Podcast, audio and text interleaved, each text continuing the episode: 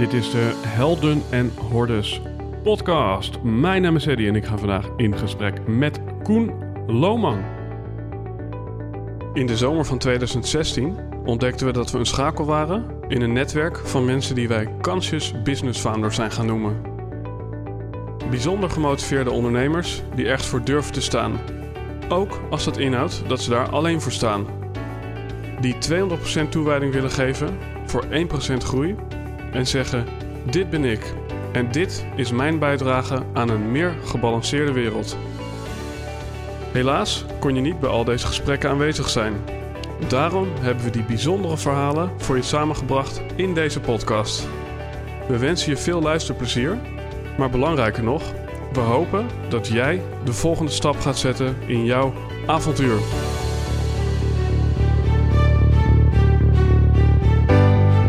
Ladies and gentlemen, dit is de Helden en Hordes podcast. In deze aflevering ging ik in gesprek met Koen Lohman, de anonieme rebel.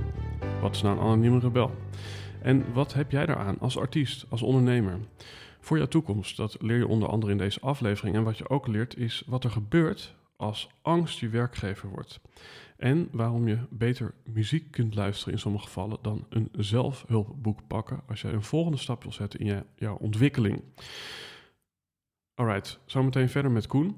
Misschien wist je dat ik een nieuw e-book had. Dat heet Succes met je slogan. eddieboom.nl slash succes streepje met streepje je streepje slogan, geloof ik. 10 euro en een reis die je gaat maken met mij in een tijdmachine waarin we ergens in 1500 starten. En daarin leer jij van de grootmeesters de kneepjes van het vak als het gaat om communicatie. Want, dames en heren, dat bestaat al langer dan het internet, communicatie. Geloof het of niet. Een heel tof e-book, al zeg ik het zelf. Maar misschien is 10 euro toch nog een hele hoop om aan die Eddie Boom te geven. Wat dacht je ervan om een gratis boek van mij te downloaden? Een boek waarin de meest gekregen review is dat dit het enige e-book is wat ze ooit helemaal hebben gelezen en zelfs met tranen toe geroerd waren. Dat e-book heet Enkele zinnen over dubbelzinnigheid en kun jij vinden onder eddieboom.nl slash e-book en dit kost helemaal niets. Kun je ook vinden onderin de show note van deze aflevering eddieboom.nl slash e-book en ga minimaal 500 mensen voor die dit boek afgelopen maanden van kaft tot kaft hebben gelezen. Dan ga ik weer eventjes verder met Koen. Koen was een klant van mij. Koen is een vriend van mij geworden. En wij hebben een mooi gesprek gevoerd over artiestschap, over hip-hop, over visualiseren, over het verschil tussen kunst en ondernemerschap. Wie is nou Koen? Koen Lohman is vormgever van verlangens. Als visueel coach helpt hij eigenzinnige startende ondernemers die een gewaagd verlangen voelen, opborrelen, maar nog niet zo goed weten hoe ze daar vorm en uiting aan moeten geven. Met het tekenstift helpt hij deze ondernemers aan een krakenheldere droom in één beeld, zodat zij de helderheid en de brutaliteit hebben om hun droom daadwerkelijk te manifesteren. Een hele oprechte guy, deze Koen Lohman. Dames en heren, ga er lekker voor zitten. Een mooi gesprek tussen twee dudes die inmiddels maatjes van elkaar zijn geworden. Alright, ladies and gentlemen, dit is de Helden en Hordes podcast. En wij hebben hier aan tafel Koen Lohman. Ja, Koen, wij kennen elkaar. Uh... Nou ja, hoe kennen we elkaar? is misschien wel een mooie inleiding. Um, ik zag ineens dat er een online opleiding van mij werd verkocht. En dat gebeurt eigenlijk nooit. Uh, ja, in die zin gebeurt het nooit dat mensen dat kopen zonder dat ze daarbij coaching of een traject bij mij aanschaffen. En zonder dat ze de man Eddie Boom in het echt hebben gesproken. Dus iemand ging carte blanche, die gaf uh, een paar honderd euro uit aan een online opleiding. En ik kreeg van mijn ex-compagnon een mailtje. Uh, ja, iemand die heeft nu geld op rekening gestort. En ik ging zo even na van wie is dat dan en waarom. En dat was uh, Koen Lohman. En toen dacht ik, vanuit een soort zuivere intuïtie... ik ga die gast eens eventjes bellen om te kijken of ik hem misschien kan helpen. Mm-hmm. Dus ik denk dat beide dingen nooit voorkomen. Dat ik zelf ja, ga paaien en uh, mensen actief ga ja, hoe acquireren, noem je dat zo. En het komt ook nooit voor dat mensen uit het niets op internet stranden en een opleiding kopen. En toen ontstond daar een traject. Uh, een traject waarin ik jou mocht begeleiden. En dan snel werden we een beetje maatjes en ging het niet zozeer maar over copywriting en dat soort zaken. Maar waar ging het wel over? Dat is misschien een mooie vraag aan jou. Um, Ja, wat voor mij in ieder geval over ging, was een stukje. eh, ja, kijk, ik was in ieder geval aan het begin eh, vorig jaar was ik een beetje zoekende. Ik ben nu ruim drie jaar onderweg als ondernemer. Eh, en in die eerste drie jaar nou, volle bak gas geven. Eh, maar ik kwam ook met heel veel mensen in contact. Dus het werd daardoor ook best wel ja, diffuus eigenlijk. Nou, op een gegeven moment had ik gewoon een soort gebrek aan focus. En ik stelde mezelf heel erg de vraag van oké, op wie ga ik mijn energie nu echt richten? Op wie wil ik echt nu van betekenis zijn? Zo. Ja, Ehm, en daarmee stelde ik mijzelf dus ook eigenlijk de vraag van... oké, wat is nou ook alweer Koens verhaal? Waarom ben ik ooit begonnen? Wat is mijn echte, ultieme, diepe drijfveer? Mhm. Eh, ja, toen ging ik letterlijk googlen en ik had jou... Voor mij Dr. Dat zeg ik het ook goed. ja Dat klopt. was toen jouw, eh, in ieder geval zat je toen nog in. Eh, Klopt. dat bedrijf vond ik toen op Google, gewoon letterlijk. Ja, En ik had, jou, eh, ik had het bedrijf al vaker gezien. Ik had jouw naam ook al vaker gezien en gehoord. Ja, zo. Zo kwam ik bij jouw eh bevrijd je verhaal eh, opleiding Ja. terecht. En dat was heel erg vanuit die behoefte van... weer even terug naar mijn eigen core, mijn Ja, eigen ja. basis. Zo. ja. Want welke prijs betaalde je voor, voor hoe je het tot dan toe deed? Dus wat, wat ervoer je? Mm, weinig energie, denk ik. Ja, Ehm, kijk, in dat eerste, in ieder geval aan het begin van mijn ondernemerschap... eh, dacht ik nul na. ja, Dus was het alleen maar gevoel en intuïtie. En ik weet van mezelf, als ik dat doe, als ik echt gewoon in mijn gevoel zit en mijn spontaniteit volg, Mhm. komt er heel veel energie los. Kan ik ook heel veel energie naar andere mensen geven. Eh, werkt ook wel aanstekelijk, denk ik. En ik merkte dat die energie een beetje begon te lekken. ja. En dat was een beetje de, de, de prijs die ik dan op een gegeven moment begon te betalen. Ja, dus je begon eigenlijk eh, vanuit gut feeling en dat ging nog goed ook, geloof ik, toch? Ja, Ja, Ja. en, en Ja. waaruit bleek dat? Eh, omzet technisch wel. Ik vond mezelf zeker voor een stad eh, deed ik het goed. Ja, gaf me ook het vertrouwen van oké, hetgeen wat ik doe is behoefte aan, bla bla bla. Ehm, maar ook gewoon, gewoon goed in mijn energie. Dus dat je opstaat en het gevoel hebt van eh, hetgeen wat ik nu doe, eh, doet het toe. ja, En ik heb zin om dit te doen en eh, what's next, zo. En ik had niet of minder op een gegeven moment die, die spirit te pakken. Dus dat je, ik zeg ook wel eens tegen klanten van mij van joh, voelen wat je doet. Mhm. En dat, dat duidt voor mijzelf ook al een beetje ehm, eh, van hoe ik in mijn werk wil staan. ja, want dat is natuurlijk een klassieker. Hè? Je begint te ondernemen omdat je meer vrijheid wil, maar het eerste wat je inlevert is vrijheid. Mhm. Wa- Waardoor kwam het dat je die vrijheid en authenticiteit ja, voelde wegslippen? Mm. Ja, poeh, ehm. te veel gaan, eh, te veel nadenken. Te veel ook vanuit het perspectief van buitenaf. Van, eh, kijk, aan het begin, toen kwam ik ook op, eh, met ik kwam op basisscholen, middelbare scholen. Ik zag eh, werkzoekenden als klanten. Ik kwam bij teams.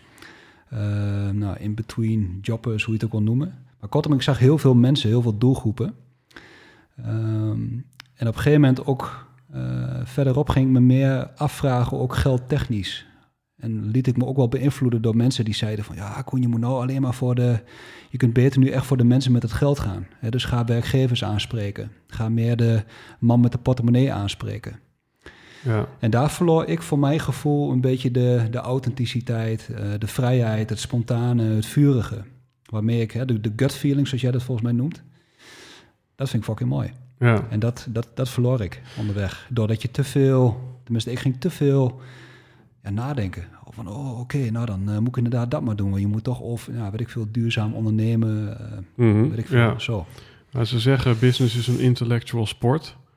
Dus ik geloof ook dat je als je altijd maar je gevoel volgt in het leven, dan zit je vaak eh, Snickers te eten en patat met. Ehm, dus wat, wat is voor jou gevoel volgen? Wat betekent dat? Mm, mooie vraag. Ehm, Het is niet patatje met en Snickers eten. En blowen en niet uit bed komen. Want als ik mijn gevoel volg, dan slaap ik bij wijze van spreken tot 12 uur uit.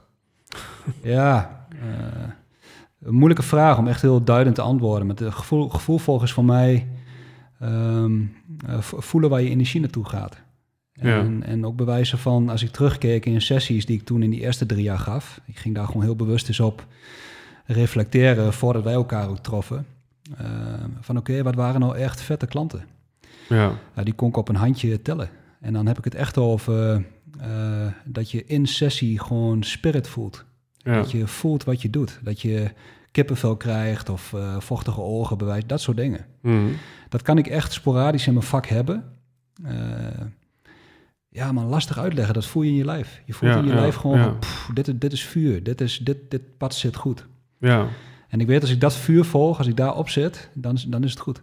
Ja. En dan komt al die geldschissel daarna wel. Ja, want, want hoe, hoe maak je dat onderscheid? Want ik blijf daar gewoon even lekker op hangen. Ehm, weet je, ik herinner me ook van onze ja, samenkomsten... dat jij dus ook altijd een, een bij wijze van spreken, een zalmsalade verkoos... boven een tosti met pindasaus. Dus, dus, en dat is weer opnieuw van ja, weet je, misschien zegt je lijf wel... doe maar maar een tosti met pindasaus. Is het dan echt zo dat je dat, dat lekkerder vindt? Of is het toch ook een stukje verstand die zegt dit is gezonder? Of hoe werkt dat voor jou? Ja, ik weet niet, want dat is niet altijd zo. Hè. Ik heb ook soms echt behoefte aan een vette hap. Weet je wel, je had Ja. het dan over patatje met en weet ik veel. Eh, Mhm. Als ik daar zin in heb, eh, dan zegt mijn lijf dat ook gewoon. Ja, Van, eh, ik ga nu vanavond en mijn vriendin heeft af en toe ook zin aan, dus dat is chill. Maar dan, dan, dan, dan volg ik dat gevoel. Ja. Dan, denk, dan denkt mijn hoofd niet van, ja, maar Koen, dit is misschien, nou, weet ik veel, slecht voor je of wat dan ook. Ja, ja. nou ja, want, want, want dan kan je misschien toch wel over jou zeggen dat je, dat je vrij goed bent in naar je gevoel luisteren. Eh, want, want ook ehm, dat, dat het niet goed ging, eh, ja, dat, in die zin luister je ook naar je gevoel om te weten van hé, hey, nu gaat het even fout. Weet je wel, kijk, je, je kan ook door een gebrek aan in contact staan met je gevoel, eh, inderdaad op dat intellectuele doorgaan en gaan nadenken. Ja, ja. En even voor de luisteraar, hoe, hoe ben jij ondernemer geworden? Want dat is volgens mij ook wel een exemplarisch verhaal. Dat is wel boeiend, hè. Ik, had, eh, eh, ik begon mijn loopbaan, nou, weet ik veel, ergens in 2015, denk ik. Als, eh, als vormgever, grafisch vormgever. Dus ik zat veel op een gegeven moment bij een bureau in mijn woonplaats Oldenzaal, daar kwam ik terecht. Websites vormgeven, logo's, gewoon echt visuele eh ja, reclameuiting, om het zo maar te zeggen. Maar dat is wel vet, hè? Want als je het dan hebt over je gevoel volgen. ik zat daar letterlijk op een gegeven moment als een soort van robot aan tafel. Dus eh, we zaten letterlijk met vier, vijf man maandagmorgen op de planning of aan tafel en dan kijken van, joh, wat ga jij vandaag doen of deze week en wat doe jij en, en zo verder. Dus ik begon daar ook dan weer mijn lijf maar te checken van, ja, dit is niet mijn spirit. Dit, dit is niet eh, wat ik wil. Mhm. En dan eh, iets in mij, zo zit ik van nature ook wel in elkaar, heeft dan wel de recalcitrantie of zo, weet ik veel, om een gegeven moment gewoon maar op een vrijdagmiddag naar mijn baas te lopen en te zeggen van, joh, ik kap hiermee, joh. Ja, Ik zeg, eh, want dit voel ik niet, dit kan ik niet meer. ja. En toen was zijn vraag daarna meteen van, eh, eh, van, ja, wat ga je dan doen? Mhm. En ook heel veel andere mensen uit mijn omgeving zeiden dat, ja, wat ga je dan doen? Hè, want je kunt toch niet zonder omzet en je moet je huur betalen en bla bla bla. Ja, maar ik zei toen ook letterlijk van, ik heb geen idee. ja. Zeg maar, ik voel in ieder geval dat ik nou niet hier moet zijn. Wat maakt dan hè, dat, je, dat je eigenlijk tegen bijna iedere prijs ehm, toch kiest voor, voor het onveilige? Weet je wel, je kiest ervoor om te stoppen bij die baas. Eh, is, ik kan me voorstellen dat heel veel mensen toch op safe spelen. Ja, ehm, het gaat voor mij denk ik heel erg over, eh, wordt het heel monotoon. Mhm. Je, ik had een, en, en hoe andere mensen dat doen, prima. Eh, maar ik kon dat niet, joh. Nee, maar, maar je denkt dan niet na over de consequenties als je omgeving je influistert. Nou, dat, dat is wel, dat- in de Helden en Hoorders Ja, dat, dat is wel mooi, Eddie. Want ik ben wel, eh, eh, ik word ook wel eens bestempeld als impulsief, naïef. Eh, ervaar ook soms wel momenten dat ik dacht van, joh, misschien had ik hier iets langer over na moeten denken. En dan had het misschien wat minder slapeloze nachten gebracht. Maar ik moet zeggen, veel, een veel groter deel van de tijd heeft het mij vooral heel erg geholpen. Toen ik mijn intuïtie en die impulsieve intuïtie volgde. Ja, Dus dat, en dat kan ik verder niet echt verklaren. Dat is gewoon een, een, een gevoel eh, waar ik dan naartoe getrokken word. Was het niet ook zo dat je... Ik, ik herinner me iets van dat je met een spandoek op eh, straat stond. Ja, dat, is, eh, dat was toen ik ontslag had genomen. Toen kwam er op een gegeven moment een ander bedrijf op mijn pad. Eh, die hadden één ding. eh, en dat is dat ze geen eh, functies, vacatures, dat soort dingen online hadden staan of hadden uitgezet. Mhm. Maar het bedrijf triggerde mij, want ze hadden een blog online gezet. In die periode dat ik aan het uitwerken was bij het andere bedrijf. Ehm, en de titel van die blog was van... wat is angst je werkgever wordt? En dat is natuurlijk fucking boeiend. Ja. Dat gaat heel erg over van het... Hè, laat je je leiden door je angst of door Ja. je soort van zuivere intentie, weet ik Ja. veel. En daar werd ik gewoon door getriggerd. En ik herkende me daar ook wel in. Mhm. Laat jij je nog leiden door je angst? Eh, zeker. Ja, want, want ook hier, hè, van... Ja. ehm, ik, ik pak er even een paar voorbeelden bij... en dan wil ik eigenlijk van je horen van... is dat angst of juist... ehm, eh, ja, is het angst of juist overvloed, zou ik willen zeggen. Kijk, het begint er al mee van... je gaat weg bij die baas, hebben we het net over gehad... Ja, dan denk je waarschijnlijk toch vanuit overvloed en, en niet vanuit angst. Want vanuit angst was je wellicht gebleven bij dat bedrijf. Mhm. Maar met kleine dingetjes, van ik ken je natuurlijk nu een beetje. Eh, jij zei eh, de aflevering af hier bij Helden en Hordes. Omdat je voelde van het was niet het juiste moment en dat Ja. is het nu wel. Ja. ja om dat eventjes in een retrospect eh, bij mezelf te leggen. Toen Ilko de Boer ja zei, toen dacht ik, ik kan eigenlijk helemaal niet. Ik moet een andere afspraak verzetten met Jeanette Geus in dit geval. Ze Mhm. weet er nog alles van. Ehm, omdat ik gewoon voelde, het is now or never. En anders eh, ja, vis ik misschien naast het net. Dus ik dacht ook vanuit schaarste. Terwijl jij niet dacht, terwijl mijn podcastschema echt kapot vol zit Ja. op, dit, op dit moment. Dus op dat moment speelt er waarschijnlijk geen schaarste, maar van nee, het komt nu even niet uit. En hetzelfde met, jou, met jouw e-boekje, eh, maar net ook met Clubhouse. Ik vroeg, eh, doe je iets op Clubhouse? Zeg ja, dat moment komt nog, maar dat is nu nog niet. Mm. Terwijl eh, je kan ook denken, weet je wel, het beste moment om in te stappen bij Bitcoin is op dag 1. Want dan kan je van 1 euro nog 50.000 euro maken. Mm. En dan kan je ook denken, het beste moment om in te stappen op Clubhouse is vandaag, want ja, morgen is het misschien al verzadigd. Mm. Dus, dus ik hoor eigenlijk in al die situaties, nee, pas op de plaats. Ik doe wat mijn hart me ingeeft. Ja, maar dan vind ik het wel lastig om, eh, want ik ben er zeker nog een gast die, eh, waarbij angst dan ook weer komt kijken. Eh, kan ook niet per se heel goed het onderscheid maken van, wanneer is nou angst en wanneer is het nou een soort van, ja, intuïtie. Ehm, hè, want bij die podcast van ons had ik ook bij die vorige al kunnen denken van, joh, pff, boeien, ik ga hier gewoon zitten en wat er komt, Mhm. komt er. Zo. Hè, dus als ik daar heel intuïtief was geweest, eh, had ik er misschien toen al gezeten. Ja, Maar daar zei ook alweer een verstandsdingetje van... joh Koen, je kent jezelf inmiddels een beetje. eh, zeg het even af. Wacht tot je een beetje tot, eh, tot bedaren of tot rust bent gekomen. ja, Ja, Want ik zat na ons traject ook gewoon nog in een heel proces. Ja, is dat verstand of gevoel? Vind ik lastig. Mhm. Maar ik heb in ieder geval vaak gewoon in mijn, in mijn leven overal momenten gehad... en nog steeds waarin ik vooral die intuïtie volg. En dan kom ik er overal dus ook achter van... dat zijn voor mij de momenten die me het uiteindelijk het meest brengen. ja, nu zeg ik heel vaak, eh, je gave is ook je opgave. Ehm, is het soms ook vervelend dat je altijd maar je intuïtie wilt volgen? Eh, vervelend niet, vermoeiend wel. Ja. en, wa- en waar merk je dat dan aan? Eh, letterlijk in struggle. Ehm, ja, dat dingen. ehm, eh, kijk, intuïtie geeft in het moment soms heel, of geeft in het moment vaak energie. Eh, ook het ondernemerschap, hoe ik daar ooit mee begon, eh, was ook heel erg intuïtie. Mhm. Want bij het bedrijf waar ik die spandoekkopping eh zat ik na volgens mij twee jaar ook weer met diezelfde lui om tafel van jongens, eh, ik stop ermee, want ik ga voor mezelf beginnen. Ik ben nog goed hoe ik daar zat, super zelfverzekerd, super overtuigd van de keus die ik daar maak. Mhm. Omdat dat op dat moment gewoon voelbaar is in mijn lijf. Ja, Ik weet van dit is de shit. ja. Ehm, eh, wat was ook alweer je vraag? Of het je wel eens in de weg zit, die intuïtie.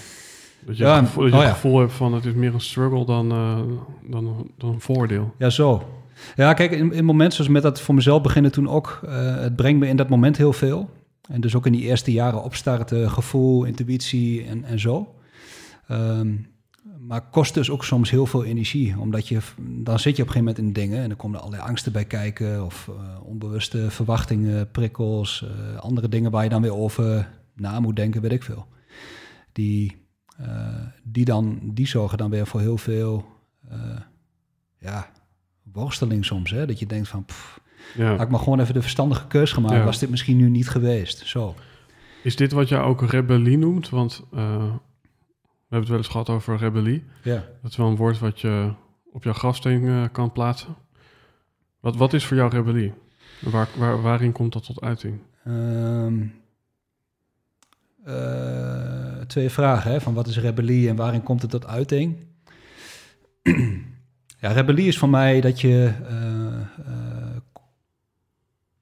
zoveel mogelijk uiting geeft aan je intuïtie, ook als dat misschien radicaal anders is dan wat de norm is.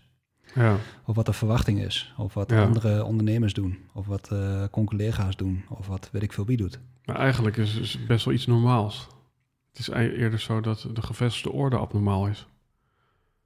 Leg uit. Nou ja, als je zegt, eh, eh, ik, ik doe wat mijn hart me ingeeft en dat is anders dan, dan de rest van de maatschappij doet, dan vraag ik me af, ja, is, dan de- is dan die maatschappij gek of ben ik gek? Ja, dus vind ik lastig wat jij zegt nu, om die zo te pakken met mijn hoofd. Ja. Ja, hoe leg ik dit uit? Kijk, weet je, je Inmiddels, je bedoelt, inmiddels zijn er, dan zijn er zoveel mensen die hun hart volgen en het anders doen dan anderen, waardoor dat de, nou, de nee, wordt. nou ja, nee, wat ik bedoel is inderdaad van, eh, je, je bestempelt het als rebellie, maar is het niet je geboorterecht om gewoon te doen wat je op Lijp. aarde wilt doen? Ja, dat is lijp. Ja, dat is supermooi, Eddie. Dat is een, ehm, dat is supermooi. Kijk, zometeen is Ja. het al rebellie om om 1 over 9 de straat op te gaan. Snap je wat ik bedoel? Ja, ja, Of is het gewoon volstrekt normaal dat je, eh, mooi. dat je naar buiten wilt? Ja, kijk, ik heb Ik zet, nu, ik zet nu niemand ergens toe aan trouwens, hè, maar ik vind het wel een mooi voorbeeld. Ja, ik vind als zeg, kijk, ik heb met het woord rebellie wel gewoon iets. Dat heeft voor mij een bepaalde, eh, er zit voor mij een bepaalde eh, uitingsdrang in. En die soms ook best wel op het randje gaat. En, en prikkelend is. Of die iets teweeg brengt bij, bij mensen. Of bij, En, en dat, dat vind ik aan zich gewoon super tof om mee, eh, om mee te spelen. Ja, Kijk, toen ik mijn bedrijf begon, eh, en waar ik aan het begin, nou weet ik veel, als je een labeltje op wil plakken, noem het loopbaancoaching. Ja, waar ik nu steeds meer de ambitie voel om de ondernemer te gaan helpen met het verbeelden van zijn, van zijn dromen en zijn ambities. Deed ik dat toen met name ook veel met medewerkers. Eh, noem dat loopbaancoaching. Maar dan keek ik in die loopbaancoachingwereld en dan had dat voor mijn gevoel heel erg de tendens van eh, veel zitten, mhm. eh, praten, testjes afnemen. Ja, en dan komt er iets in mij naar boven op dat moment wat denkt van, pff, ik ga het anders doen. ja, dus wat maakt dat ik in Enschede nu nog mijn, mijn speeltuin heb, waar ik fucking trots op ben. ja, En dat is gewoon een grote ruimte van nou, 120 vierkante meter. Waar ik het gevoel had van, ja, er moet een, moet een speelplek zijn. Er, moeten daar, er moet een box staan, er moeten zitzakken zijn, een schommel zijn, een basket. ja, ja. Zo, een, een plek waar mensen die, die vrije vibe voelen om zich te ontwikkelen, om zich open te stellen. ja, Zo. ja. En dat is voor mij op dat moment wel een stukje, eh, ja, rebellie noem ik dat. Ja, maar ik denk dus de transitie die jij teweeg brengt, is dus van rebellie de norm maken. Ja, dat vind ik live. Dat vind ik een mooie, daarom, ik moest hem net ook even, eh, van, Ja, bedoel ik, je dat ik nu? snap het zelf ook niet. Hè? Ja. Einstein zegt, if you can't explain it simply, you don't understand it well enough. Ja. Dus het feit dat jij mijn mijn vraag niet begrijpt, eh, betekent dat ik het zelf nog niet helemaal begreep. Ja. Nee, maar dat, dat vind ik wel heel mooi. Dat je daar dan, eh, dat je dan uiteindelijk zegt van, van, van rebellie juist de norm maken. Zo van, volg dat maar. Volg maar je intuïtie, ook als die grensverleggend is. Of, Ja. of prikkelend is. Of Ja. iets wat risicovol is, weet ik veel. Ja, En dat vind ik heel vet. Ja. Eh, helden en hordes, in, in hoeverre heb jij eh, de scheid aan anderen die jou wellicht totaal niet meer kunnen volgen? Hoe zeg je dat? In hoeverre heb jij de scheid aan? eh, of hebben mensen... weet je wel, kijk, dus ik heb aan het begin best wel wat moeite gehad. Het voelde bijna als een coming out om... nou, dat had ik recent nog. Ik noemde mezelf op Clubhouse de slogan koning. En dan Hmm. zijn er een paar van die oude schoolvrienden... die vinden dat een partij arrogant en cocky. Ja. En we- ja, d- dus, dus hoe ga je daarmee om? Ja, je bedoelt als mensen dat ook naar mij nu nog zouden... Doen mensen dat überhaupt? Nee, dat doen mensen überhaupt niet. Eh, maar ik moet er ook bij zeggen, eh, dat is ook weer dat hele cliché ding van eh, je gave is ook je opgave. Ehm, ik heb de drang, of de, intu- de intuïtieve drang om van rebellie de norm te maken, zoals jij het ook zegt. Mhm. Om steeds meer Koen Loorman te manifesteren in zijn meest pure vorm. eh, zo concessieloos mogelijk. Maar komen daar nog veel angsten bij kijken? Zeker. Ja. Komen daar nog belemmering- belemmeringen bij kijken? Zeker. Ja. Eh, dus ik ben dan zeker nog niet de Koen die helemaal maximaal gaat in dat eh, openstellen, zichtbaar zijn, scheid hebben, zo. Ja, Het zou mij, ik weet niet of jou dat triggert, als jij dat dan terugkrijgt, zou mij ergens zeker wat kunnen doen, denk ik. ja. Nou ja, ik denk dat het ook gezond is eh, als het je wat doet. Kijk, eh, als het je helemaal niets doet, Ja. dan, ehm, ja, dan kun je ook dusdanig onaangepast worden dat je in de oertijd ja, buiten de kudde viel en overleed. Weet je wel? Dus ik denk dat een zekere zin van in acht nemen wat sterker nog, om daar iets tegenover te stellen. ehm, soms heeft, eh, heeft je omgeving het bij het juiste eind en, jij, en, j- en jij zelf niet. Weet je ik bedoel, je omgeving ziet soms eh, dat, dat jij obsessief met je werk bezig bent of ziet dat een partner wel of niet bij je past. En dan is het soms wel juist heel verstandig om mensen die van je houden eh, daar hun woordje over te laten zeggen. Ja, kijk, In hoeverre luister je naar, naar anderen in dat opzicht? In hoeverre zeg je fuck jullie allemaal? Nou, dat vind ik mooi, Eddie, want ik, heb, ehm, ik weet ook dat dat ook wel mijn, mijn ontwikkeling is. Eh, om, om ja, mijn eigen pad te blijven volgen. Om, om, om de rebellie in mezelf te blijven volgen, om het zo maar te zeggen. Ehm, maar niet met een blinddoek op. Als in van, eh, yo, eh, maximaal in de kokon en zo. Ehm, daarbij wil ik wel mijn vizier wel open blijven houden en ontvankelijk blijven voor die, voor die prikkels van mensen die het inderdaad misschien soms, soms wel goed hebben. Ja, Want ik heb in het verleden ook gehad dat ik gewoon, ik heb niet meteen zo'n voorbeeld, maar dat ik hele radicale keuzes maak. Eh, echt ja, een beetje losgeslagen bijna. Hè? Of dat mensen denken, "Oeh, wat is dat nou voor een roekeloze dude? Mhm. Ehm, en dat bracht me uiteindelijk wel iets, maar ook aan het begin vooral heel veel onrust. En dan, Heb- ja dus, dus heb je je wel eens laten terugfluiten eh, in, in, een, in een idee? Misschien dat je vriendin zei van eh, ik zou dit gewoon niet doen. Eh, of eh, dat je ouders of iemand zei van Nou, dus, de, de, fluit klonk dan wel, maar dan dacht ik van, nee, ik heb, nee, dat is, anders was het me wel te binnen geschoten. ja, En dat ik redelijk goed ben in, dan hoor ik de fluit ook wel, maar dan denk ik van, nee, scheid, wel zo en door. ja, Maar ik vind het wel gewoon boeiend om te kijken van wat, wat zijn perspectieven van anderen. En ook mijn ouders bijvoorbeeld. En mijn Ja. pa is echt iemand die eh, ook nog wel eens vanaf de zijlijn meekijkt. Van, joh Koen, pas op, weet je wel, eh, niet te veel dit, zus en zo. Allemaal vanuit liefde, goede bedoeling. Ehm, maar hij is ook bijvoorbeeld de persoon die, waarvan ik weet... ehm, juist doordat hij bijvoorbeeld in het verleden vaak naar mij het woordje moeten gebruikte. Van Koen, eh, je moet dit, of eh, dit, en eh, pas op. Hè, dus heel erg dat terugfluiten. mhm, Ja, ik ging daardoor juist alleen maar meer die, die, die rebelse kant eigenlijk volgen. ja, En dat doe ik eigenlijk ja, sinds ik me kan heugen. ja, Maar dat neemt niet weg dat ik nu vandaag de dag wel momenten met hem heb, met mijn pa, dat hij me goed bedoelde adviezen geeft. En dan check ik gewoon liefdevol van, joh, ja. oké, weet je wel, ik, ik kijk wel even wat ik hiermee doe.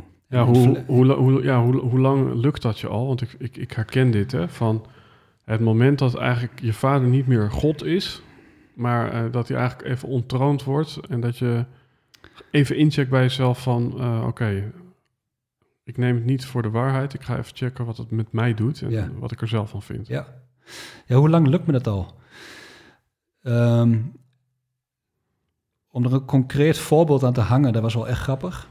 Ehm, ik heb een opleiding destijds gedaan in, in de creatieve hoek. Die opleiding heette Kunst en Techniek. Mhm. Eh, was toen de eerste, het eerste jaar opleiding van die lichting. Van die, eh, die studie was net ontwikkeld. En ik zat zeg maar in de eerste lichting van die opleiding. Mhm. En ik weet nog goed dat ik met mijn pa toen naar een open dag ging. Ja, dan kun je je voorstellen, er zitten er best veel van die, nou, met alle rust alternatievelingen, gasten met rood haar, weet ik veel. Die Ja. zitten daar in het lokaal. Ja, en ik zie mijn pa nog zo kijken, zo van, Koen jongen, eh, doe dit niet. Ja, En uh, wederom intuïtie, gevoel van, ik moet hier zijn. ja, En waarom moest ik daar op dat moment zijn? Omdat ik iets creatiefs wilde doen. En meer wist ik niet. Dus ik ging in mijn omgeving daar kijken. Uh, oh ja, Saxion, Enschede, hey, uh, kunst en techniek. Oh ja, dat is iets creatiefs. Nou, laat ik dat maar gaan doen. Maar ik weet dat hij puur door al die alternatievelingen... die mensen die hij daar zagen, dacht hij van... Uh, van, van, van, van joh, Koen, uh, dit is een pretstudie. Zei hij letterlijk. Zo van, dit moet je niet doen. En super mooi, want ik koos daar uiteindelijk toch voor... Uh, om die opleiding te gaan doen. Eh, en wat het mooiste is wat die opleiding mij gebracht heeft, is tot op de dag van vandaag mijn beste kameraad. Mhm. Want die trof ik daar in de klas en daar ging ik later nog rapmuziek mee maken nou, enzovoort. Hè, dus ik had die opleiding voor geen 100 miljoen willen missen vanwege die vriendschap. Ja. Dus dat geeft voor mij ook maar weer aan van luister naar dat water. Luister naar dat... En waarom is die vriendschap belangrijk? Ik bedoel, hè, het is- is logisch, ergens logisch, vrienden is, is logisch, maar eh, in, in hoeverre ondersteunt die vriendschap jou in, in, in jouw ambitie of missie? Ja, gruwelijk, Eddie. Eh, mooi wat je zegt en vraagt. Eh, want hij is de kameraad die mij eh, scherp houdt. Mhm. Op het ambitieuze stuk van ehm, blijf die rebellie volgen. Mhm. En ik heb dus ook wel eens momenten, hè, als de angsten, onzekerheden komen Mhm. eh, opdagen, zeg maar, ja, dat ik soms ook een wat veilige keus maak. Ja, En dan is hij de eerste die zegt van, joh Koen, wat is dit joh? Dit is, geen, eh, dit is niet de Koen die ik ken. En dan weet ik ook van, oh, hier zit een eh, ja, terug naar de rebellie. Zo. ja. Dus dat is super mooi, hè? hoe Ja, dat, dat dan is- gaat. Van via die opleiding leer ik hem kennen als een van mijn beste soulmates bijna. Ah, dat is ook wel een soort van mooie mindfuck van waar we het net over hadden. Van in hoeverre hè, de horde, eh, andere mensen om je heen, in hoeverre beperken die je in, eh, in, in wat je wilt. En in hoeverre ja, geef je die rebellie wel of geen voorrang. Maar de, de paradox is hier dat het juist die omgeving is, namelijk deze vriend, die eh, ja, jou juist herinnert aan het feit dat je het anders moet doen. Klopt. In plaats van dat het een omgeving is die zegt, huh, ga ik nu anders doen? Dat zou ik even niet doen. Ja, klopt. Ja, klopt. En Dat is, maar dan is hij wel in die omgeving eh, een kleine factor. Ja, Eh, nou, weet ik niet. Ik heb ook een hoop mensen wel die, eh, die het ook erkennen. Van, je Koen, ik ken jou ook alleen maar als de dude die af en toe gewoon weer even gek uit de hoek komt. Of die Ja. ja, ja dat rebelse karakter heeft. ja, Dus, ik- maar er zijn ook, des, ook zeker zoveel mensen die, die dat, ja, toch een beetje, eh, weet ik veel, daar een beetje anders naar kijken. ja. Vanuit meer een soort dingetje van, oh, zou je dat nog wat doen? En zus en dit en zo. Even vanuit een eh, andere hoek. Wat doe jij nu? Hè? En dan eh, neem de luisteraar misschien even kort mee in waar je mensen mee helpt. Ja, ik help ondernemers met het, eh, met, met het visueel vormgeven van hun droom. En, Ja. en, en, dat, en dat doe ik met de tekenstift. Dus ik, Vormgeven van verlangens. vormgeven van verlangens is een, eh, een rol die kreeg ik vijf jaar geleden al toebedeeld. Eh, en die is echt nog na ons traject pas eigenlijk echt geland. Mhm. Ehm, en ik begin daarin voor mijn gevoel ook steeds meer verbinding te maken met van eh, ja, de, de, de, de zijnsfactor in mezelf. Want jij zei Ja. wel eens van je doen en zijn in één lijn brengen. Mhm. Eh, en ik had aan het begin van mijn onderneming met terugwerkende kracht ook al zoiets van eh, is Koen wel echt een loopbaancoach? Waar zit je doen en waar zit je zijn? Is het visuele het doen of is dat het zijn of andersom? Eh visueel is zeker zijn. Ja, Ik, ik ben van nature een vormgever. ja, Ehm, als kind al tekende Ja. fucking veel. eh, bouwde veel met Lego. Websites vormgeven. En, waar- en waarom geef je dan verlangens vorm en niet bij wijze van spreken Ikea Stapelbedden? De nieuwe, de nieuwe lichting van eh, het volgende jaar. Ja, daar kom je wel op het stukje eh, bezieling, diepgang, de mensfactor. Ja, Want ik ja. had bij dat reclamebureau waar ik toen werkte, was ik ook aan het vormgeven. Maar ik had daar dus het gevoel van hier moet ik niet zijn. Ja, En waarom was dat? Ik miste daar een stukje ja, diepgang. Ja, Ik was geïnteresseerd in, in, in mensen en, en wat er in mensen leeft en wat hun Ja. drijft en wat ze willen. Dat Hoe, soort hoe, on- hoe, hoe ondersteunen visuals, dat zijn vaak illustraties, een soort storyboards noem ik het even. Hoe ondersteunen die bij het vinden van je verlangen? Eh, ja, ze maken helder. Ze maken eh, simpel. Ehm, en om maar weer even in jouw mooie metaforen te blijven: van eh, de enige die niet ziet wat water is, is de vis. En wat ik merk bij mijn klanten, wat ik hun heel mooi kan laten zien, is hun eigen water, hun eigen diepere verlangen wat er wel in zit. Maar dat zien ze niet. Dat, Ja. is, dat is, mm, ja, zit onder de smoek of de, Ja, weet ik veel. En dan kun je met, in mijn geval, visuals, vormgeving, beelding, kun je heel mooi mensen laten zien van, ja, dude, dit is die shit.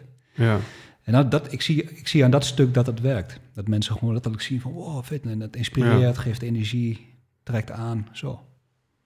Ja, ik kan me ook voorstellen, omdat je die visual misschien mee naar huis neemt. Ik weet niet hoe dat gaat. Ja. Dat je ja, in plaats van dat goede gevoel van die ene middag dat je met Koen dat ging maken, kun je ook nog een week later her- herinnerd worden aan, oh ja, dit is wat ik hier kom doen. Ja, kijk, dat is mooi. Hè? Ik had een, eh, onlangs een klant, een mindfulness trainer. en die zegt ook van, eh, van Koen, ik ben de laatste tijd een beetje dingen aan het doen die ik niet helemaal voel. En Mhm. ik ben in verkeerde projecten beland en bla bla bla.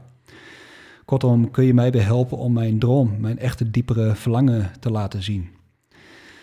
En aan het einde van het traject, eh, dat beeld wat ik daar toen opleverde, daarvan zei hij later van, eh, Koen, het confronteert me gewoon.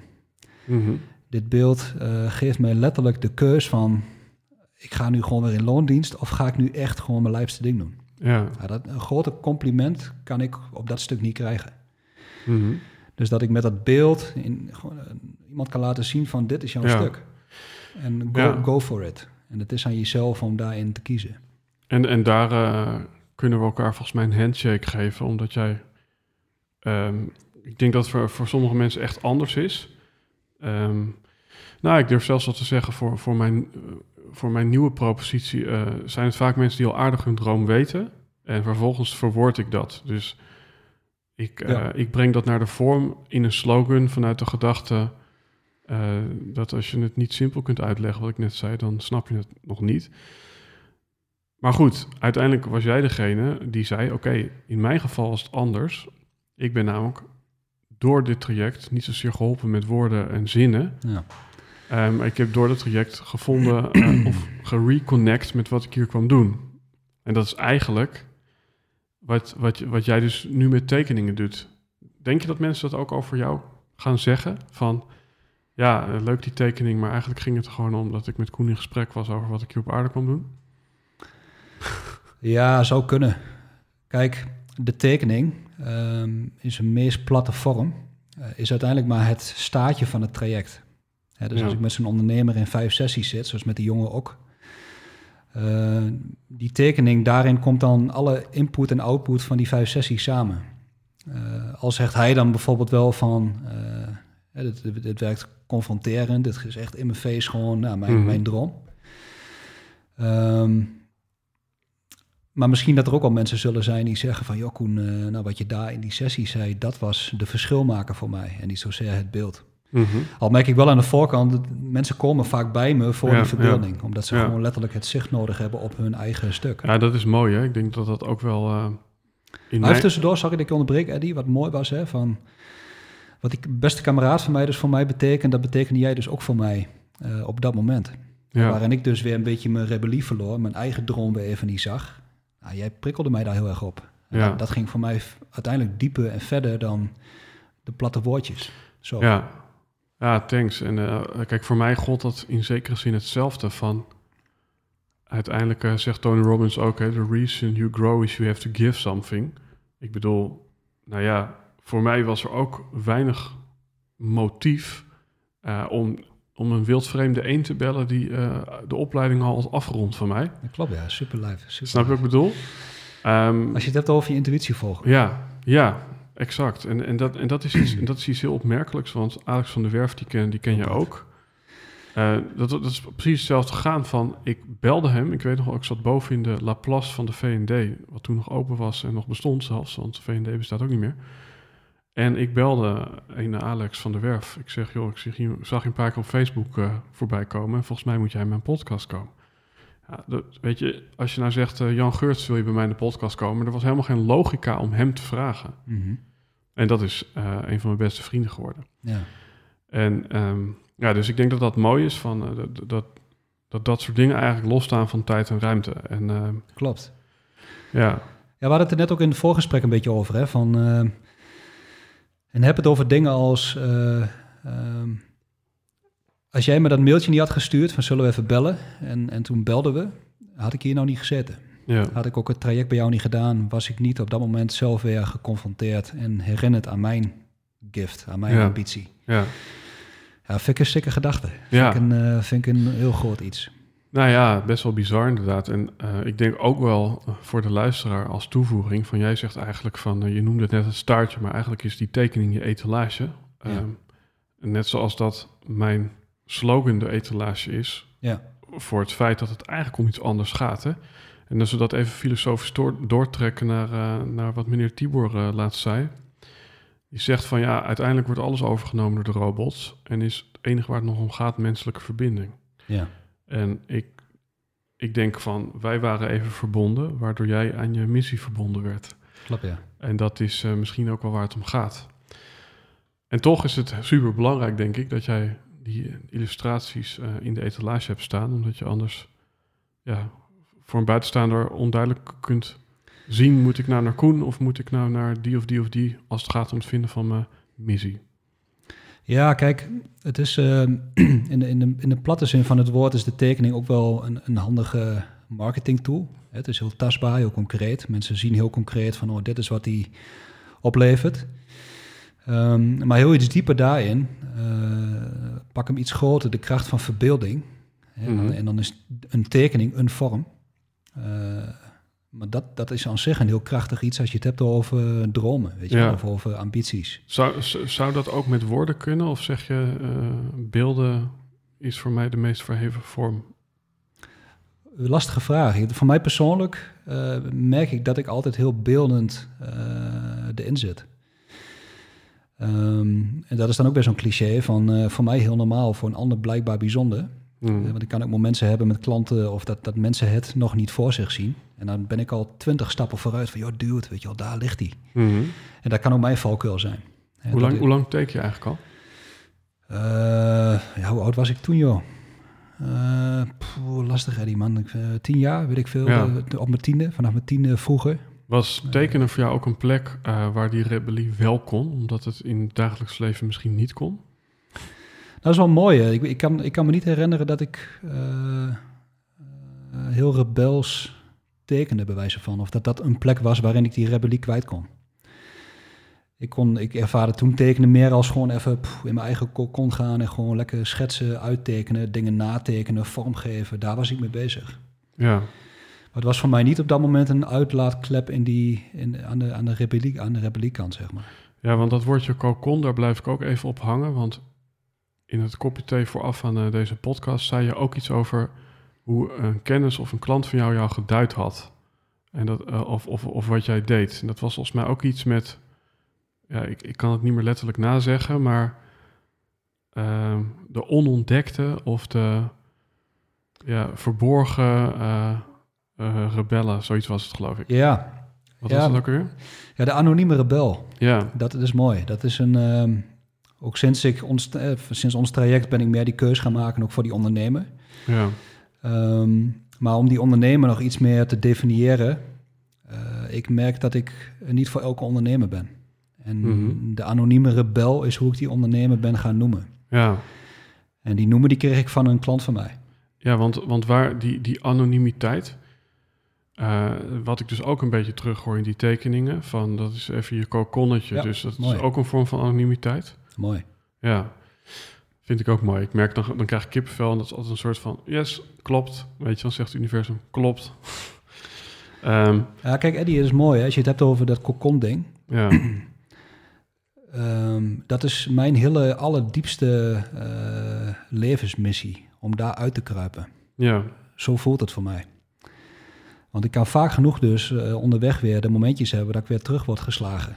ja, Tussen haakjes. Hè? Dus dat ik me weer laat afleiden van up en dan kruip ik weer in mijn schulp. ja, En dan vraag jij me van Koen, wanneer kom je op Clubhouse? En dan zit ik nog steeds in die schulp. Omdat ja, ik vanuit die schulp zeg van, nou wacht nog maar even Eddie, je komt er straks wel een keer uit. ja. Dus bij deze, wij gaan samen een room hosten. Is goed joh, dat is goed. dat is goed. Oké. Ehm, Nee, maar dat is het ding, Eddie, van ehm, dat wil ik zelf blijven doen. En ik hoop het mijn klanten zoveel mogelijk te geven in energie van kruip uit die fucking sch- schulp. mhm, Doe die shit. ja, En doe lijpe shit. En doe dingen die echt de grens prikkelen of beter nog doorbreken. ja. Dat vind, Ja. ik, dat vind ik het allermooiste. Ja, want is die, eh, die, die uit die cocon komen of uit die anonimiteit? Dat zou aan de ene kant een... eh, een eh, ja, weet je, ik, ik, ik voel wel de energie van eruit kruipen. En gelijktijdig eh, zocht je het, toen je tien was, met die tekening, bewust op. Dus zat er niet ook iets van... Ja, dus, dus, dus bracht het je misschien ook iets. Ik, ik, en ik kan nog steeds momenten hebben dat ik eh, bewust in mijn cocon kruip. Ja, Dat ik vrienden kan zeggen, of, of misschien wel niet durf te zeggen, maar van joh, ik heb even geen zin om eh, een biertje te drinken. Of, Mhm. en dan kan ik heel erg lekker gaan op gewoon even lekker zelf tekenen, schetsen. Ja. Of een, eh, dus, dus, wanneer, Zo. dus, dus, dus wanneer moeten we ons bevrijden uit die cocon, uit die anonimiteit en wanneer moeten we er lekker weer even in kruipen? wauw. Ehm, op het moment dat je voelt dat het eruit moet. Ja, Kijk, ehm, ik kan wel zeggen, vorig jaar corona, in maart toen het begon, en ongeveer in die fase trof ik jou. Eh, en ons hele traject was voor mij ook even een cocon-proces. Mhm. En was ook wel oké. Voelde voor mij ook al eens even, even naar binnen gaan. Mhm. Eh, even wat minder bezig zijn met social media, werving of weet ik, allemaal externe dingen. Eh, maar gewoon weer even bewust tijd aan mezelf Mhm. besteden. En ik merk ook in de lijn met deze podcast dat ik nu weer veel meer de behoefte voel om dit te doen. ja, En dat is een gevoel. Dat, dat voel je wel. ja, Tenminste, ik voel dat persoonlijk zo. Dan voel ik van, oh ja, nu wil ik weer gaan. Delen, uiten. Oh, bedankt Eddie, we gaan straks in de clubhouse zitten. Prima. ja, ja, ja, Past helemaal in die lijn. ja, Maar ik kan andersom ook zeker momenten hebben dat ik voel en weet van... het is nu goed om even in die kokon te zitten. ja. Wat, Ja. ge- wat gebeurt er in die cocon? Want je bent ook een artiest. Ik denk heel veel artiesten eh, dat die een coconnetje hebben. Een man Ja, maar- of hoe je het wil noemen. Ja, lijp. Ehm, maak ik de balans op. Ja, Ehm, eh, en kom ik ook weer veel struggle wel tegen. Eh, veel hoofddingen, veel denken. Mhm. Ehm, ehm, maar maak ik de balans op? Is voor mij een moment, en dat, kan wel, dat moment kan soms gewoon een half jaar duren, bij wijze van.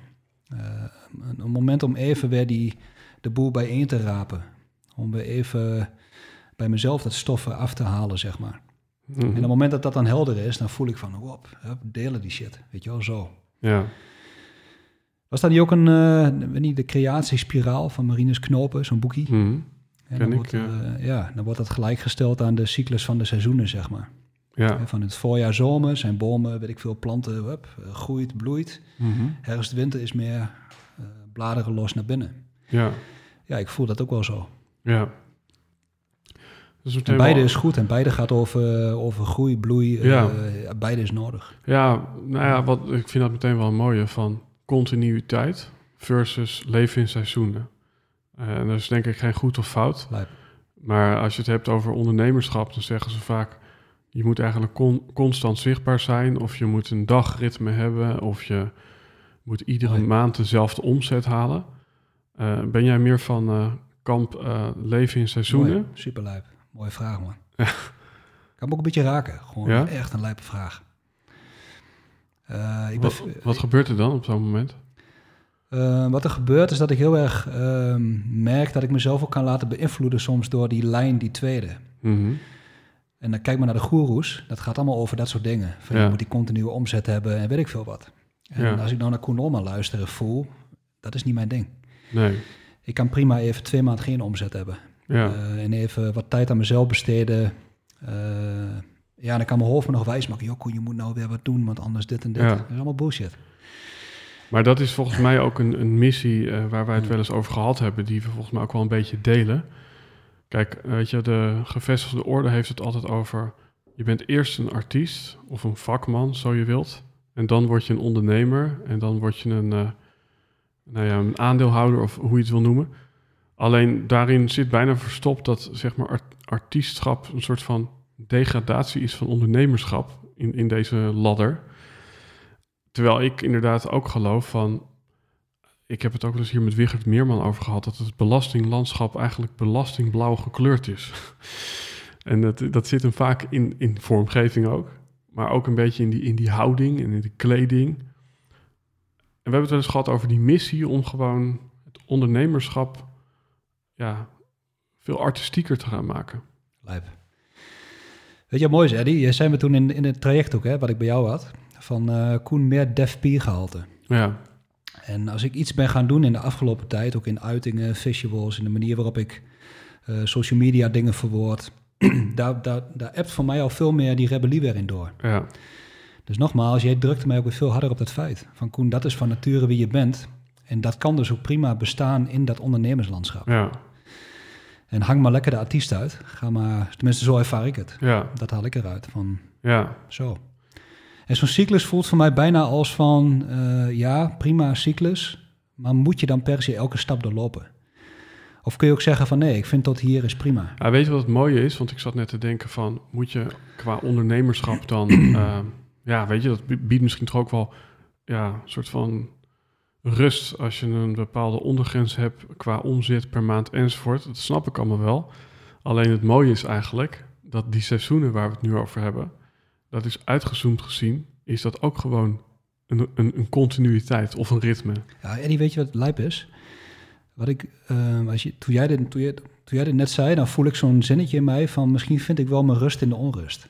Ja, En dat begin ik ook steeds meer te geloven nu wij het hierover hebben. Van, ik heb in mijn leven, gewoon ook vroeger, maar ook in de hele loopbaangedoe, al zo vaak van die, eh, nou, noem het ups en downs. Ik weet niet of het, Mhm. nou, gewoon van die, van die pieken dalen gaat, of van, die, Mhm. van die onregelmatigheden, onrust. Ja, en het is voor mij een beetje part of the job of zo eh, geworden, bijna. Of, zo- het grappige is hè, van... Ik gedij niet zo goed in, in comfort. In, oh, daar kan ik niet zo goed tegen. Nee, en het grappige is, het, is- het is bijna de werkelijkheid op zijn kop dit. Want in het voorgesprek hadden we het erover dat ik nu eigenlijk een soort rust zoek. En dat jij mij eigenlijk zag als van Ja, hoge ups, lage downs. En dat Ja. ik zei van ja, ik ben in sommige opzichten liever Koen. Want ik zoek, ik zoek eigenlijk die rust. En nu zeg jij eigenlijk, ja, moet je eens luisteren. Het zit eigenlijk zo. eigenlijk ben ik die ups en downs. ja. Ja, want op de rand van de afgrond groeien de mooiste bloemen. Ja, wordt er gezegd. Ja, ik, ik vind, eh, het haakt ook alweer aan op wat ik eerder in deze podcast zei van, ehm, ik, ik, ik, ik haal ook weer heel veel uit de onrustige momenten, of de momenten Ja, waarop ik... Oh, weet je, zo. het is zo grappig, man. Eh, er valt heel veel samen in dit gesprek, ook voor mij. Weet je, als je dan toch een verbinding hebt. Het begon al met, met, met een soort van samenvallen dat jij, voordat je hier was, heb je hier vlakbij een wandeling gemaakt. Ja, blijk ik daar ook gelopen te hebben. klopt. Ja, ja, klopt. Ehm, ik dacht al, hoe kun jij mijn story gezien hebben? Want dat zag ik. Eh, want je zit toch in de auto, ben je dan achter het nou, enzovoort. Het grappige was, eh, ik was aan het kijken naar, ik geloof dat het fassanten waren of, of ganzen of weet ik veel wat. Die ergens bij een oude ruïne hier vlakbij. Ik denk van, ik keek ernaar van, die beesten hebben eigenlijk helemaal geen emoties. Zo keek ik ernaar van, wat een zen. Je hoeft alleen maar naar die beesten te kijken en je bent aan het mediteren. En ehm, toen dacht ik, jezus, weet je wel, ik, ik heb dan toch wel die schommelingen. Ik, ik zei gisteren nog tegen mijn vriendin van, eh, weet je wel, het is allemaal behoorlijk rustig. Ja, en dan zegt het universum, nou, gast, dan ben je toe aan, eh, aan level 2. Hier Juist. komt hij. Juist. Maar het grappige was, ik keek zo naar die vogels met een soort jaloezie, weet je wel, van what the fuck. Die beesten zijn gewoon een beetje aan het chillen en, weet je, die denken, die denken niet eens. Het is gewoon, die zijn gewoon, als je het Ja. over doen en zijn hebt. Die, die zijn, die, die doen niet zoeken naar eten of naar een vrouwtje. Die zijn dat gewoon aan, aan het doen. Dat is een paradox, maar... En toen gebeurde iets heel moois, want die beesten zitten er echt al heel erg hard te chillen. En in één keer was het blijkbaar bijna lente en dacht een van die passanten van... ik ga eventjes op dat vrouwtje zitten. En toen, eh, vanuit allerlei hoeken, hoorde ik geluiden van andere vrouwtjes... die dachten, "Ha- hallo, je had ook op mij kunnen zitten. Mhm. En bij alle mannetjes die dachten, ik had ook op dat vrouwtje kunnen zitten. Dus toen brak er een soort gevecht uit... Wat echt niet normaal hard eraan toe ging. Geschreeuw en eh, echt de veren die vlogen door de lucht. Je hebt het over net, hè? Ja. Lijp. En toen dacht ik van, even terugkomend uh, naar deze hele anekdote op, op ons stuk, van het leven is ook gewoon een ongeorganiseerde waanzin. En, het, en, de, en dat, uh, dat is misschien ook gewoon wat we volledig moeten erkennen. Het leven is dodelijk en het leven uh, kent allerlei afgronden. Um, maar als je dat zoveel mogelijk probeert in te dammen, dan dam je ook het leven zelf in. Ja, mooi. Super mooi. Ja, leven uh, bestempel ik dan even als een stuk, uh, en dan heb ik het ook alweer over wat ik eerder zei, van een stukje energie, wat bij, bij, mij persoonlijk dan ook wegvloeit. Ja. En misschien gaat het daar ook wel over, van ook in die eerste baan die ik had, joh, die energie, far away. Ja. Ja, en dan zegt mijn lijf dus gewoon van, joh, dude, kom in beweging, letterlijk. Ja. Nou, dat uit zich op dat moment dan in de keuze dat je kapt met die job.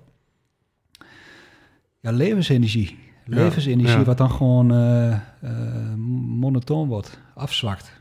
Ja. Ja, dan komt er wel inderdaad, of het wordt je gegeven of weet ik veel hoe, maar dan komt er altijd weer een moment van opleving. Ja. Dus dat die gans even, bam, zo. Ja. Wat, wat, wat, wat maakt dat jij dan eh, nu toch de ondernemer wil aanspreken, of dat je ook een ondernemer bent, en dat je niet een artiest bent die artiesten wil aanspreken? Hmm. Ja, omdat ik denk, geloof dat ik in de ondernemer, en wat dan ook een ondernemer maar is, ehm, maar die bestempel ik wel even als de mensen die ook een eigen bedrijf hebben, of dat willen beginnen, of een tijdje onderweg zijn, whatever. Uh, maar dat zijn wel mensen, vind ik, die uh, een bepaald risico nemen. Die uh, van nature, neem ik aan, als ze beginnen, een bepaalde visie hebben, een, bepaalde, een bepaald verlangen. Mm -hmm. En ik merk, ook door die klanten die ik, waar ik in de afgelopen jaren dan ja, op ben terug gaan kijken, van wat zijn nou eigenlijk mijn lijfste klanten geweest, zijn dat ondernemers. Ja. Um, en ik denk daar dus ook die, die energiefactor het meest te vinden. Mhm. Kijk maar hoe wij hier zitten of hoe wij elkaar troffen. Dat gaat ook over, uh, ja, hoe zeg je dat? Over, je bent allebei ondernemer. Ja. Jij kent daardoor veel dingen. En voor mijn gevoel is dat wel wezenlijk anders dan wanneer je in loondienst bent. Ja. En niet dat dat per se slecht is, maar ik heb ook wel momenten ervaren ja, dat je met medewerkers bezig bent.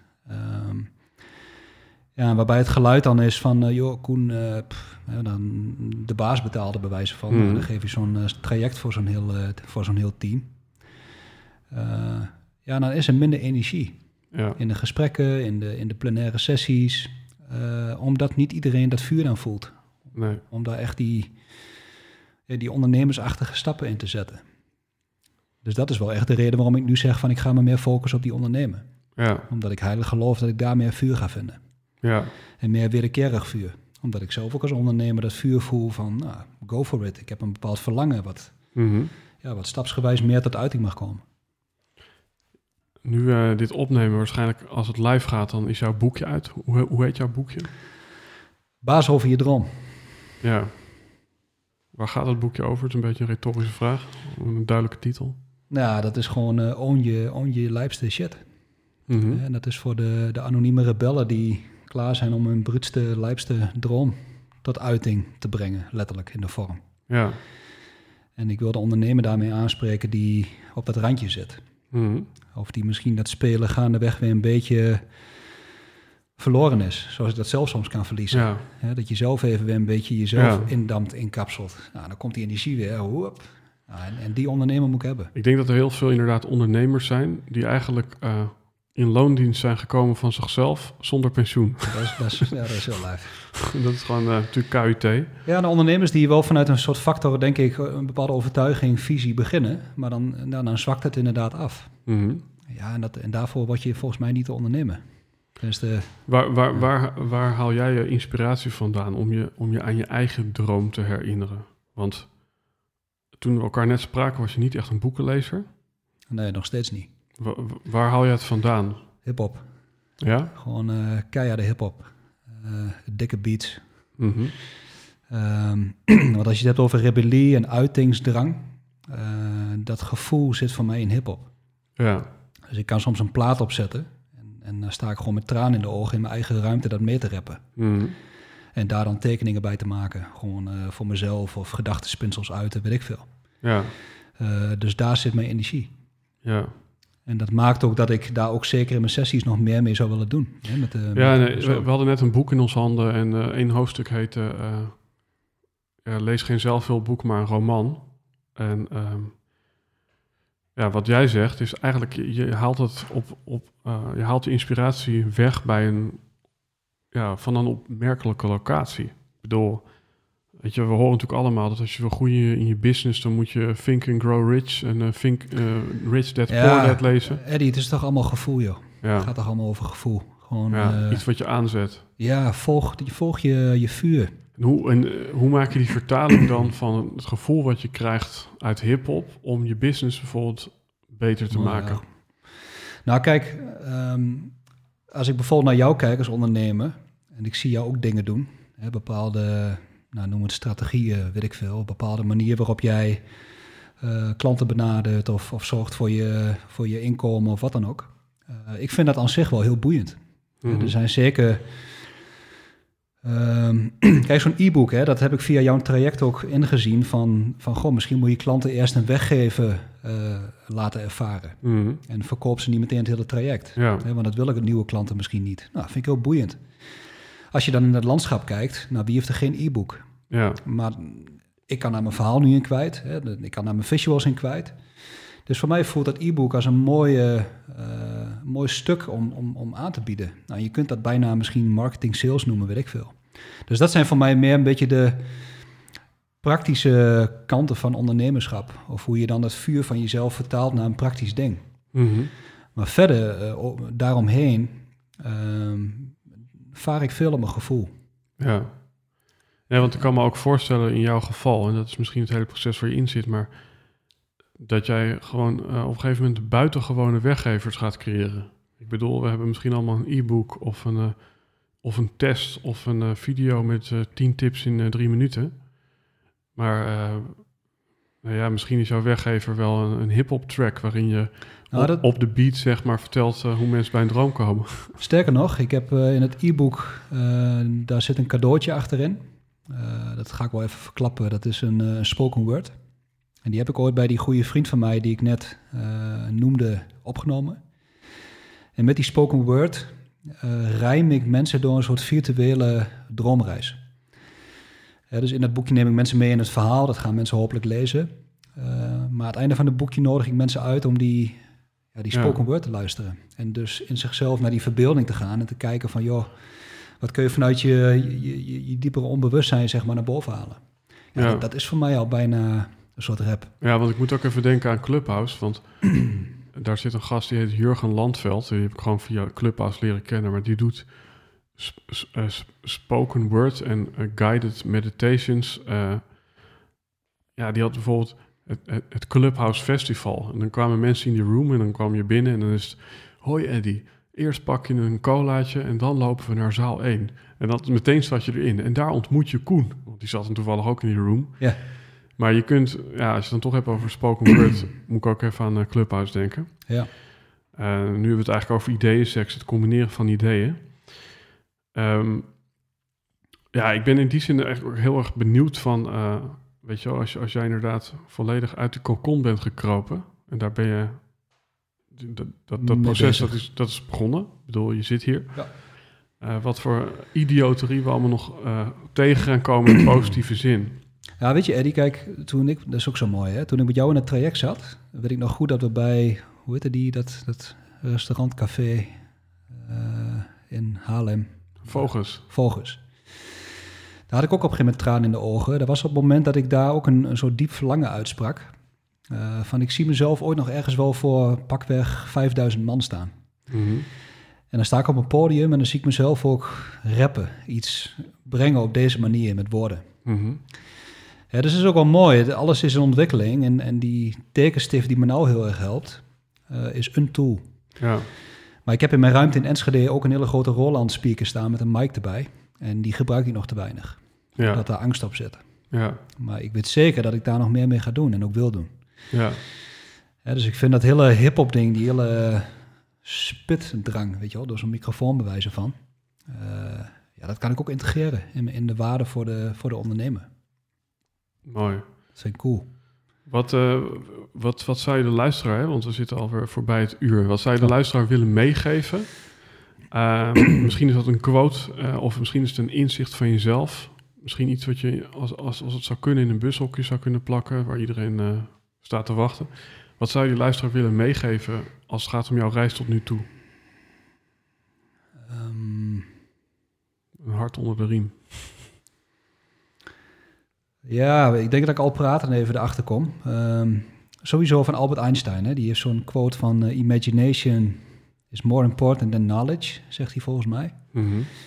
Ehm, wat ik aan zich daar heel mooi aan vind, is dus die, die, eh, dat die verbeelding grenzeloos is.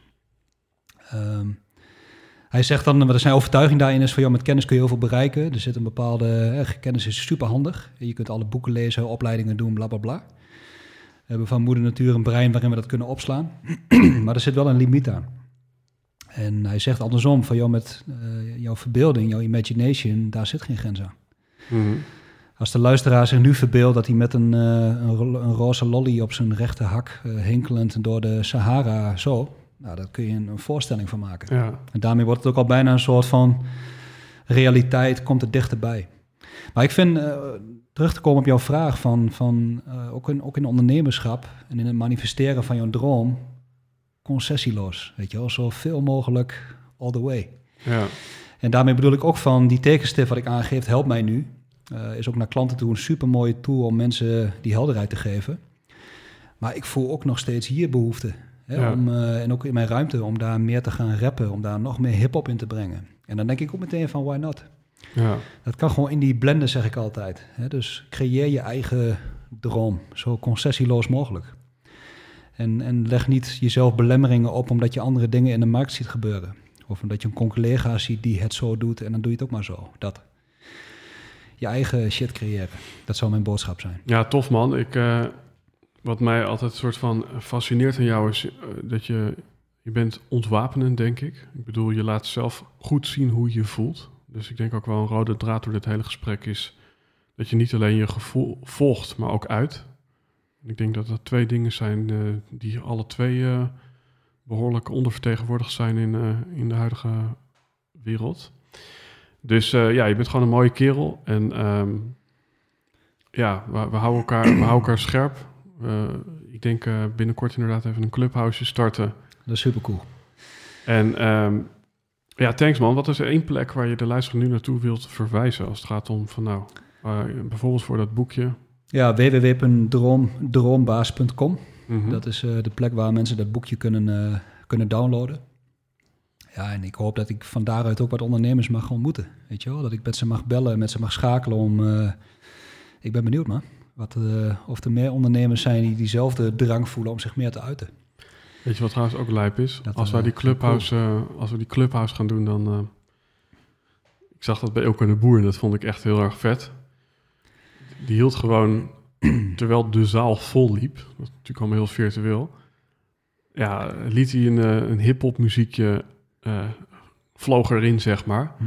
Dus ja, je hoort gewoon keiharde hip-hop terwijl die zaal vol loopt. En het is heel anders dan de gevestigde orde die zegt: eh, Nou, ik ben Elke de Boer, ik heb dit en dit en dit gedaan. Ik, eh, ik heb deze en deze mensen geholpen, dit is mijn aanbod. Maar gewoon niks zeggen Ja. en gewoon keiharde hip-hop.